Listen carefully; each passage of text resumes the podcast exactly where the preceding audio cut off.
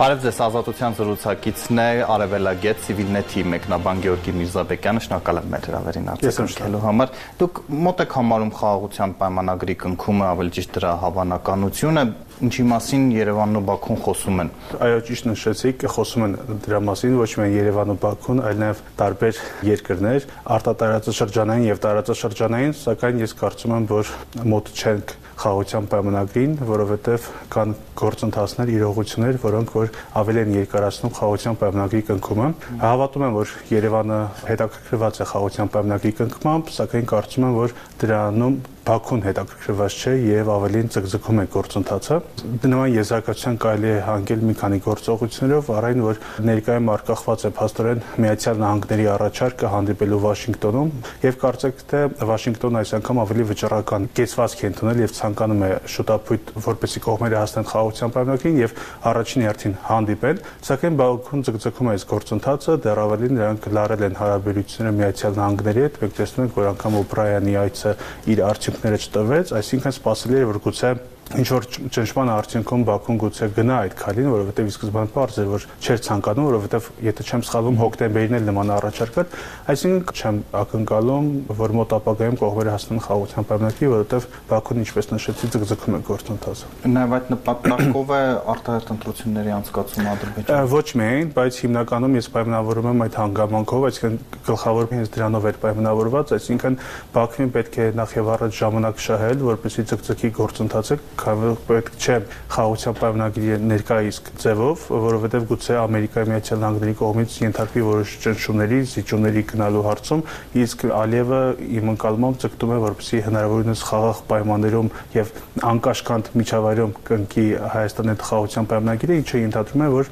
Հայաստանից կորզի առավելագույն ճնշումներ, իսկ այդ պարագայում գուցե դժվարանա իր խնդիրը եւ ահա գուցե այդ դրանով է պայմանավորված, որ նա գնացել է արտահերթ նախագահական ընտրությունների, որպեսի փաստորեն ձգձգի գործընթացը, որովհետեւ փետրվարը կարծում եմ այդ առումով բավականին խելամիտ է ընտրված, այն իմաստով որ հիմա կարող նա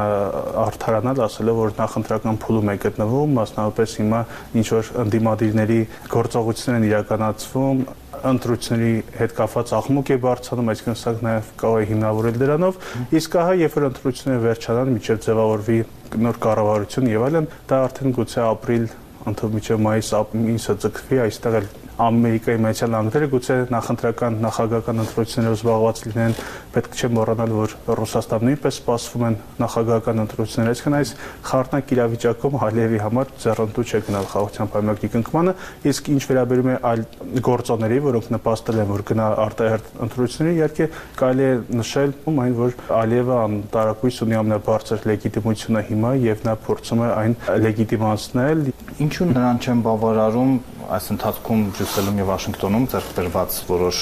սկզբունքներ, խոսքը տարածքային ամբողջականության միմյանց ճանաչման մասին է 86629 եւ նաև քարտեզները դելիմիտացման։ Իսկ դրանից ավելին է ուզում Ադրբեջանը։ Այո, որովհետև կան մի, մի շարք կնճռոտ հարցեր, որոնք լուծման, հանգուցալուծման կարիք ունեն, դրա մասին Երևանը նույնպես չի թաքցնում։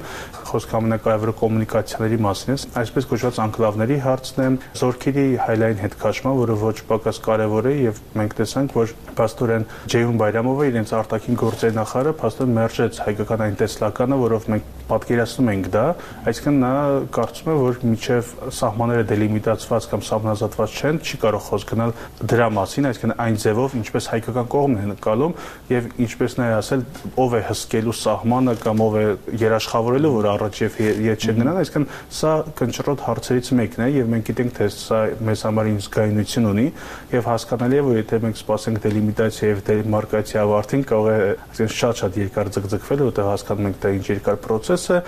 սակայն կարծում եմ, որ կարևոր ռագույն հարցը գլխավոր հարցերից մեկը կոմունիկացիաներին է առնչվում գաղտնիք չի լինի ասել որ խոսքը Սյունիքով անցնելիք ճանապարհի մասին է որովհետև փորձում են առաջ բրթել այսպես կոչված միջանցքի հարցը դա տրանսֆորմացվել է այլ ձև է փաթեթավորում խոսքը նրանք մտահոգություն են հայտում թե ինչպես է ադրբեջանական բեռները անվտանգ անցնելու դեպի Նախիջևան այսինքն փորձում են շեշտել մեխանիզմների մասին, դեմ չլինելով անգամ ռուսական ներկայության մասին, իսկ մեզ համար քայլերից երևում է, որ մեզ համար ընդունելի է բացառապես եթե լինի միմիայն հայկական վերահսկողություն։ Իդեպ դա միջանցք է այն ինչ դուք նկարագրեցիք, այսինքն այն ինչ Ալիևը ասում է, որ առանց մաքսազերծման ռեժիմ եւ ուղեկցողն էլ ռուսները լինեն։ Դա ըստեյության նույն միջանցքն է։ Կարծում եմ, որ այո, ինչպես օրինակ եմ Բաքվից գնաց կուղևորվի Սումգայիթ, ինձ էլ այդպես է, այսինքն սա միջանցքի օրինակ է եւ այստեղ էլ կա մեկ նրբություն, փոփոխություն այն է, որ փաստորեն այս խնդրում էստաֆետը կարելի ասել Ադրբեջանից վերցրել է Թուրքիան, այսինքն Թուրքիան է դառնում առաջամարտիկը այս պլանի առաջ քաշման մենք կտեսնենք որ մոտ 2-3 ամիս է որ միջազգային լուրջ հարթակներում նույն թուրքական պետությունների կազմակերպությունում իսլամական համագործակցության կազմակերպությունում եւ այլ տեղերում Թուրքիան է առաջ բրտում եւ փորձում է լեգիտիմություն հաղորդել ադրբեջանական բաժներին, որը որ նաեւ massամբ, եթե ոչ մեծամասամբ հենց Թուրքիան է ներկայում. Պատկանում, այստեղ էլ մեկ խնդիր կա, քանի որ վերադառնալով նախորդ հարցին խոսքը խաղաղության բանակցությունների մասին է, այստեղ կարծում եմ, որ մեկ հանգաման կա, հարցն այն է, որ Ադրբեջանը մերժելով միջնորդությունը Միացյալ Նահանգներից, նա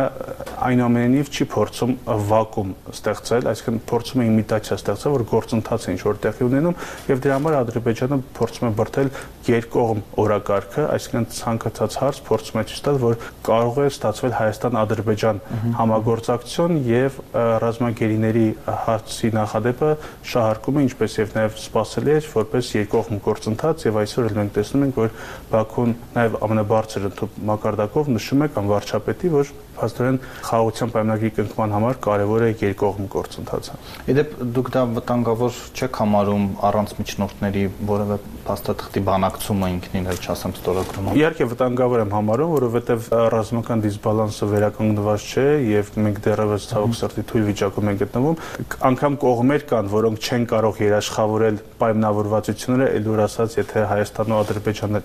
նման երկող փորձ են վարվել, չեմ կարծում որ Հայաստանը դրան կգնա, բայց շատ կարևոր է Հայաստանի համար, որպեսզի լինի այնպիսի դերակատար, որը կարողանա այսինքն մեծ կշիռ ունենա հենց տարածաշրջանում եւ Ադրբեջանի վրա, այսինքն լծակների մասին է խոսքը։ Դուք արդարացի չեք համարում, որ այդ գործում Երևանը մերժում է Ռուսաստանին, հիմա տեսեք էլի հրավերներ կան հանդիպման բանակցությունների, վկա կոչելով նախքին դառը փորձը, այսինքն մենք տեսել ենք ռուսական միջնորդությունը ինչի է հանգեցրել։ Այո, ուղղակի ռուսական կողմը այնուամենայնիվ կարծում եմ որ շատ ակտիվ չէ Կովկասի ուղղությամբ, պայմանավորված ռուս-ուկրաինական իրողություններով եւ ինչու՞ չէ նաեւ մերձավոր արևելքում տեղի ունեցող իրադարձություններով եւ այնինչ այս փուլում ավելի ակտիվ է Միացյալ Նահանգները։ Գուցե դրանք միջև նախագահական ընտրությունները փորձում են վճռել խաղաղության պայմանագրի հարց, այսինքն սա ավելի լայն դիվիդենդներ կբերի նրանց, չգիտեմ։ Իսկ ինչ վերաբերում է հայկական կողմին, ապա կարծում եմ, որ այս փուլում գուցե հայկական կողմն ավելի մեծ սպասումներ ունի Միացյալ Նահանգներից, քան Ռուսաստանից, բայց եթե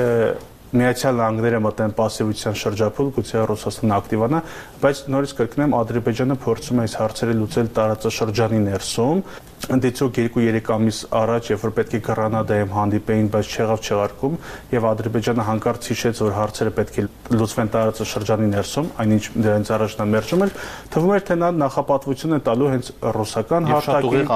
այո, ասում էր եւ նաեւ 3 գումարած 3-ին եւ այլն, սակայն հիմա տեսնում ենք, որ նա փորձում է տարածաշրջանի ներսում նոր խաղ սկսել, խոսքը հենց երկող մորակարգի մասն է, ինչպես ես նշեցի եւ նաեւ ներգրավել Թուրքիային։ Դժվար է ասել սա, որ որքան կտևի, կարծում եմ միջև լուրջ ճնշումը, սակայն սա քայլ է կամ գործողություն մարտավարությունը, որը փորձում է անել Ադրբեջանը ներկայում։ Եվ ասացիք, որ այդ շարքին եք դատում նաև վերջին երկկողմ հայտարարությունը երկու աշխատակազմերի, դրա հետևում այլ բան չկա։ Դժվարանում եմ 3 տարի չէին տալիս այդ գերիներին հանկարծ համաձայնեցին այդքան հեշտ։ Դժվարանում եմ ասել, ուղղակի հարցն այն է, որ գուցե իսկապես Ադրբեջանին շատ պետք լիներ կազմակերպել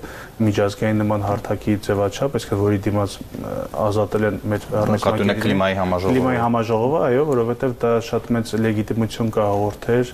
եւ վարկանիշը կբարձրացներ Ադրբեջանի իշխանությունների, ընդհանրապես Ադրբեջանի իշխանություններն այս առումով աչքի են ընկնում այն գործելավոճով, որ նրանք անընդհատ հակված են շատ մեծ պաթոսային կամ գուցե շատ մեծ համաժողովներ կազմակերպել կազմակերպել եւ հյուրընկալել իրենց երկրում, որպեսզի ավելի ցույց տրվի Ադրբեջանի վարկը եւ մասնավորապես Լեռնային Ղարաբաղի դեմ գործողությունից հետո, որպեսզի ցույց տրվի թե Ադրբեջանի վարկը եւ հարգանքը, այսպես ասած, որքան է բարձրացել միջազգային հարթակում, կարծում եմ, որ չի բացառվում, որ Ադրբեջանին իսկապես պետք է նման ձևաչափի, այսինքն համաժողով կազմակերպել։ Թվեցի կընտրոտ հարցերի շարքում անկլավների հնարավոր փոխանակումը, բայց դա չարյաց փոքրագույնը չէ, եթե այդ քարտեզներով այդպես է եղել եւ պահպանվելու է վերջն արդյունքում քառակուսի կիլոմետրերը, ինչպես Փաշինյանն է ասում, նույնիսկ փոխանակումից հետո 29800 է մնալու Հայաստանը։ Այո, բայց Հայաստանի վարչապետը ասում, եթե չեմ սխալվում, որ պետք է ստուգել դրանց իսկությունը, այսինքն անգլավների իսկությունը, իրավական առումով դրանք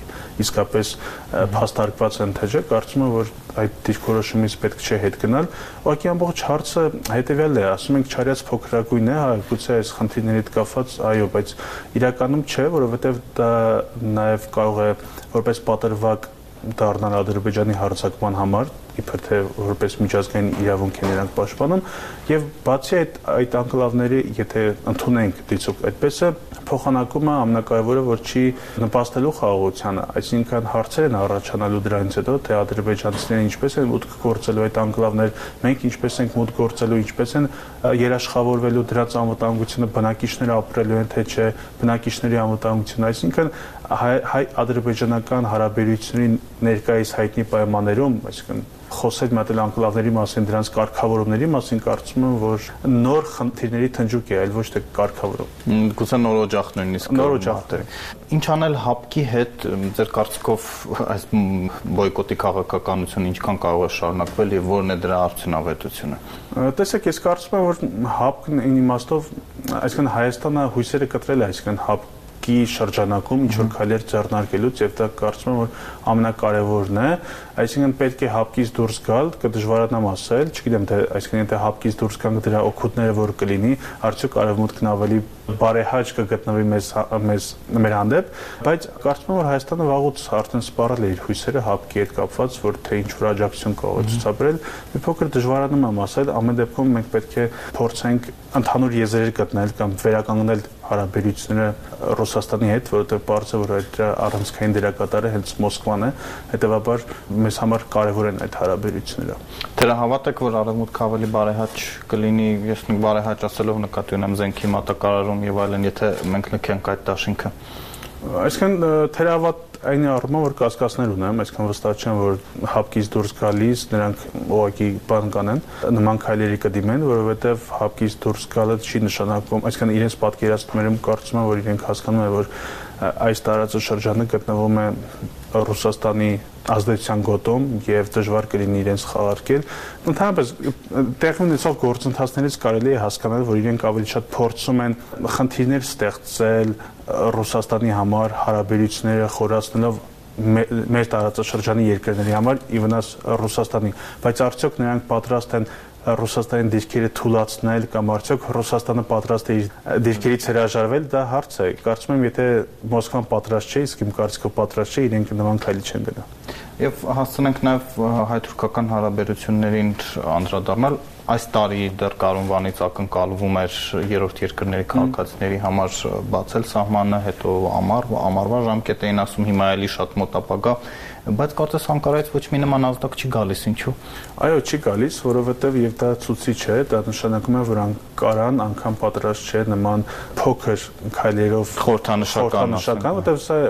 համաձայնեք այն հարցերը, որոնք որ դրված են օրակարգում, այդ հարցերի դիմաց նրանք խորհրդանշական են։ Չասել երրորդ երկրների քաղաքացիների համար կամ դիվանագիտության անձնագիր ունեցող անձանց համար բացել։ Այսինքն անգամ պատրաստ չէ այս խորհրդանշական քայլերով գնալ որովե մեղմացման, այնինչ Անկարան անդադ խոսում է փոխվստահության մտնոլորտի բարձրացման մասին։ Անկարայի դիրքորոշումը առավել քան པարզ է, նրանք նշում են, որ մենք իբրև թե խնդիր չունենք թուրքական կողմը հայկական կողմի հետ եւ բոլոր հարցերը Ադրբեջանի հետ հարցերը լուծելուց հետո նրանք պատրաստ են հայտարարությունների մակարդակով քայլ անել, բայց մենք գիտենք, որ երկու ամիս առաջ մոտավորապես նույն Ռեջեփ Թայիպ Էրդողանը ամենաբարձր մակարդակով նշում էր, որ իրենց համար թերևս հենց նախապայմանը Սյունիքով անցնելիք ճանապարհի հարցով որոշակիության հասնելն էր եւ մենք գիտենք որ նաեւ Իրանի հետ հարաբերությունները սրվեցին այդ հայտարարությունները եւ դրանից հետո նոր նա խոստացավ որ կամած կամած կամ աստիճանաբար վերականգնել հարաբերությունները Հայաստանի համար Հայաստանի հետ այսինքն բարձ է որ ակնհայտ է դառնում որ Թուրքիայի համար թիվ 1 գլխավոր թեման հենց այդ ճանապարհի հարցն է եւ ադրբեջանական դրա համար նշեցի որ ադրբեջանից այդ էստաֆետը վերցրել են որովհետեւ նա է այլևս շահառուն հիմնական շահառուն այդ ճանապարհի Շնորհակալ եմ մեր հրավերին արձագանքելու համար։ Մեր զրուցակիցներ Արևելագետ Civilnet-ի մեկնաբան Գեորգի Միրզաբեկյանը։